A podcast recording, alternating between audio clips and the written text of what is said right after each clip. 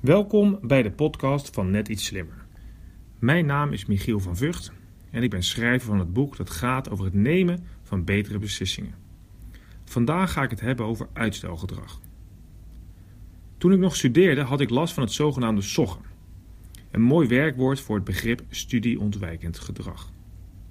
Het betekende dat ik pas veel te laat begon aan de taak die voor me lag. De tijd die ik nog had verspilde ik en op het laatste moment moest ik dan vol gas aan de slag. Helaas heb ik dit uitstelgedrag niet alleen met studeren, want mijn vrouw merkt het ook op bij de klusjes die ik thuis wil doen. Welke zaken stel jij makkelijk uit? Uitstellen kennen we allemaal wel. Zo geeft 90 tot 95 procent van de studenten aan wel eens te soggen. Maar ook na de studietijd blijft het zogenaamde procrastineren een doorn in ons eigen oog. Uit onderzoek blijkt dat 95% van de mensen liever minder zou uitstellen, maar dat dit in de praktijk behoorlijk lastig is. Uitstelgedrag is niet nieuw, het is van alle tijden. Al in de Griekse oudheid omschreven de filosofen Socrates en Aristoteles hebben een nieuw woord: akrasia. Dit betekent het uitvoeren van een taak waarbij je weet dat je beter iets anders zou kunnen doen. Maar waarom verspillen we de tijd die we hebben? Een van de belangrijkste redenen is dat we dingen die we niet leuk vinden voor ons uitschuiven. Bijvoorbeeld notulen maken van een lastige vergadering vinden we vaak niets. En daarom wachten we maar even.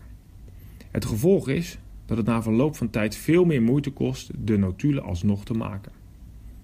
Dit is dus niet slim, maar het is wel te verklaren. Je zou kunnen zeggen dat er twee soorten van jezelf zijn: je huidige ik en je toekomstige ik. En deze twee soorten ik denken en doen anders. Als je bezig bent met het doelen voor de toekomst, zoals afvallen, een boek schrijven of met je pensioen, dan kun je die situatie voor je zien. De toekomstige ik ziet de waarde van het plan dat je maakt.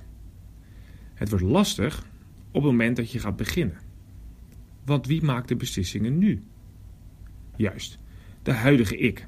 En deze persoon is veel meer geneigd te kiezen voor de directe beloning. Nu een lekker stuk chocola is heerlijk.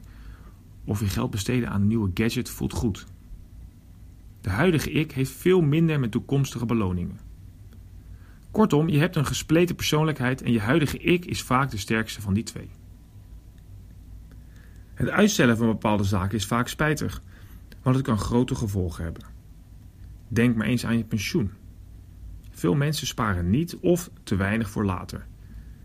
En de gevolgen kunnen we niet overzien en daardoor beïnvloedt het ons gedrag veel minder.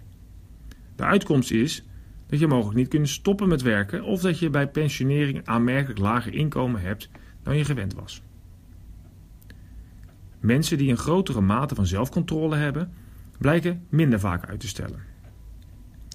Meer discipline zorgt voor minder uitstelgedrag.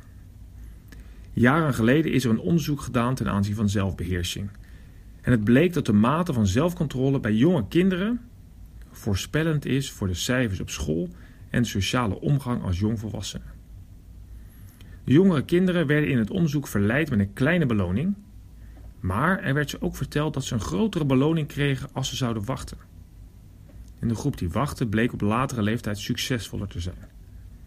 In een vervolgonderzoek bleek zelfs dat een hogere mate van zelfcontrole zorgt voor een betere gezondheid, meer rijkdom en een veiligere omgeving op latere leeftijd. Ja, uitstellen is pijnlijk. Je herkent misschien wel dat je het goed praat voor jezelf, maar in feite baal je. En sterker nog, als je eenmaal begint met de uitgestelde taak, dan krijg je een beter gevoel over jezelf. De kunst is dus om te starten. Dat is de grootste hobbel en niet zozeer hetgeen je daadwerkelijk moet doen. Hoe beter je jezelf in de hand kunt houden, hoe beter het voor je is. Je zult dus minder uitstellen en daardoor in bepaalde situaties veel betere resultaten krijgen. Ook zul je een kans hebben op een fijner en sociaal rijker leven. Nou, wat zijn manieren om dat uitstelgedrag te veranderen? De eerste manier is om te werken met tussentijdse deadlines. Deze deadlines moeten wel worden nageleefd ten koste of ten gunste van iets, bijvoorbeeld een straf of beloning. En het wordt nog krachtiger als je deze beloning koppelt met de taak die je moet doen. Bijvoorbeeld, je mag alleen Champions League kijken tijdens het strijken of alleen luisteren naar je favoriete muziek tijdens het sporten. Een andere manier is om de taak of opdracht op te delen in kleinere stukken. Daarmee wordt het obstakel kleiner en makkelijker om af te ronden. Koppel hier aan een deadline en deel deze ook nog eens met anderen, zodat de sociale druk ontstaat. En aangezien we kuddedieren zijn, willen we de groep niet teleurstellen en willen we onze eigen waarde hoog houden.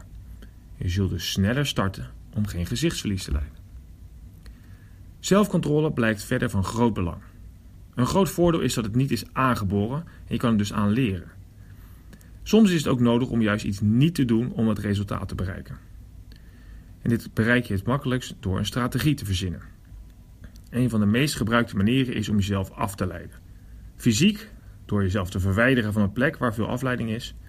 Of mentaal, denk aan iets anders, ga een boek lezen of praat met iemand in de buurt. Verzin een manier die voor jou werkt en train jezelf.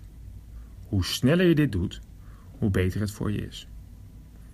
Veel succes! Voor meer informatie en allerlei artikelen en blogs, kijk vooral op mijn website michielvanvucht.com. Binnenkort een nieuwe podcast. Een hele fijne dag.